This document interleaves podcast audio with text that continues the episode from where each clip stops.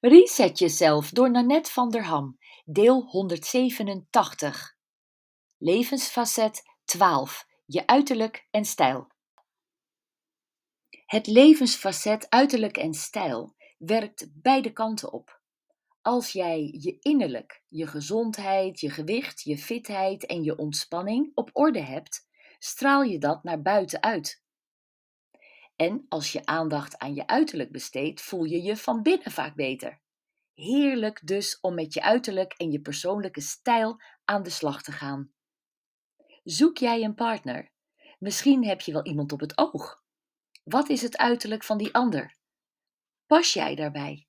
Zal die ander geïnteresseerd zijn in jou op basis van je uiterlijk? Oei, dit is een kwetsbaar punt. Te veel je best doen heeft een averechts effect op een potentiële partner en te weinig ook. Veel uiterlijk vertoon kan anderen afstoten of juist aantrekken, om de verkeerde redenen. Om van je te profiteren bijvoorbeeld, of om met je te pronken. Je uiterlijk is je visitekaartje en moet congruent zijn met je innerlijk. Schoonmaken, herstellen en oppoetsen doen alles goed, dus ook je uiterlijk. Het belangrijkste: een verzorgd uiterlijk kost tijd.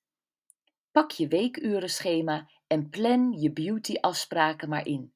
En geniet van het resetten van je uiterlijk en persoonlijke stijl. De meest letterlijke actie om de vrouw te creëren die jij wil zijn. Hier komt jouw resetter nummer 14.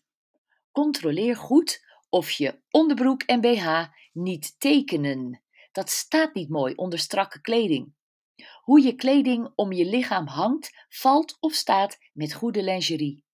Een onderjurkje of shapewear top strijkt huidbobbels bij je BH-randjes glad.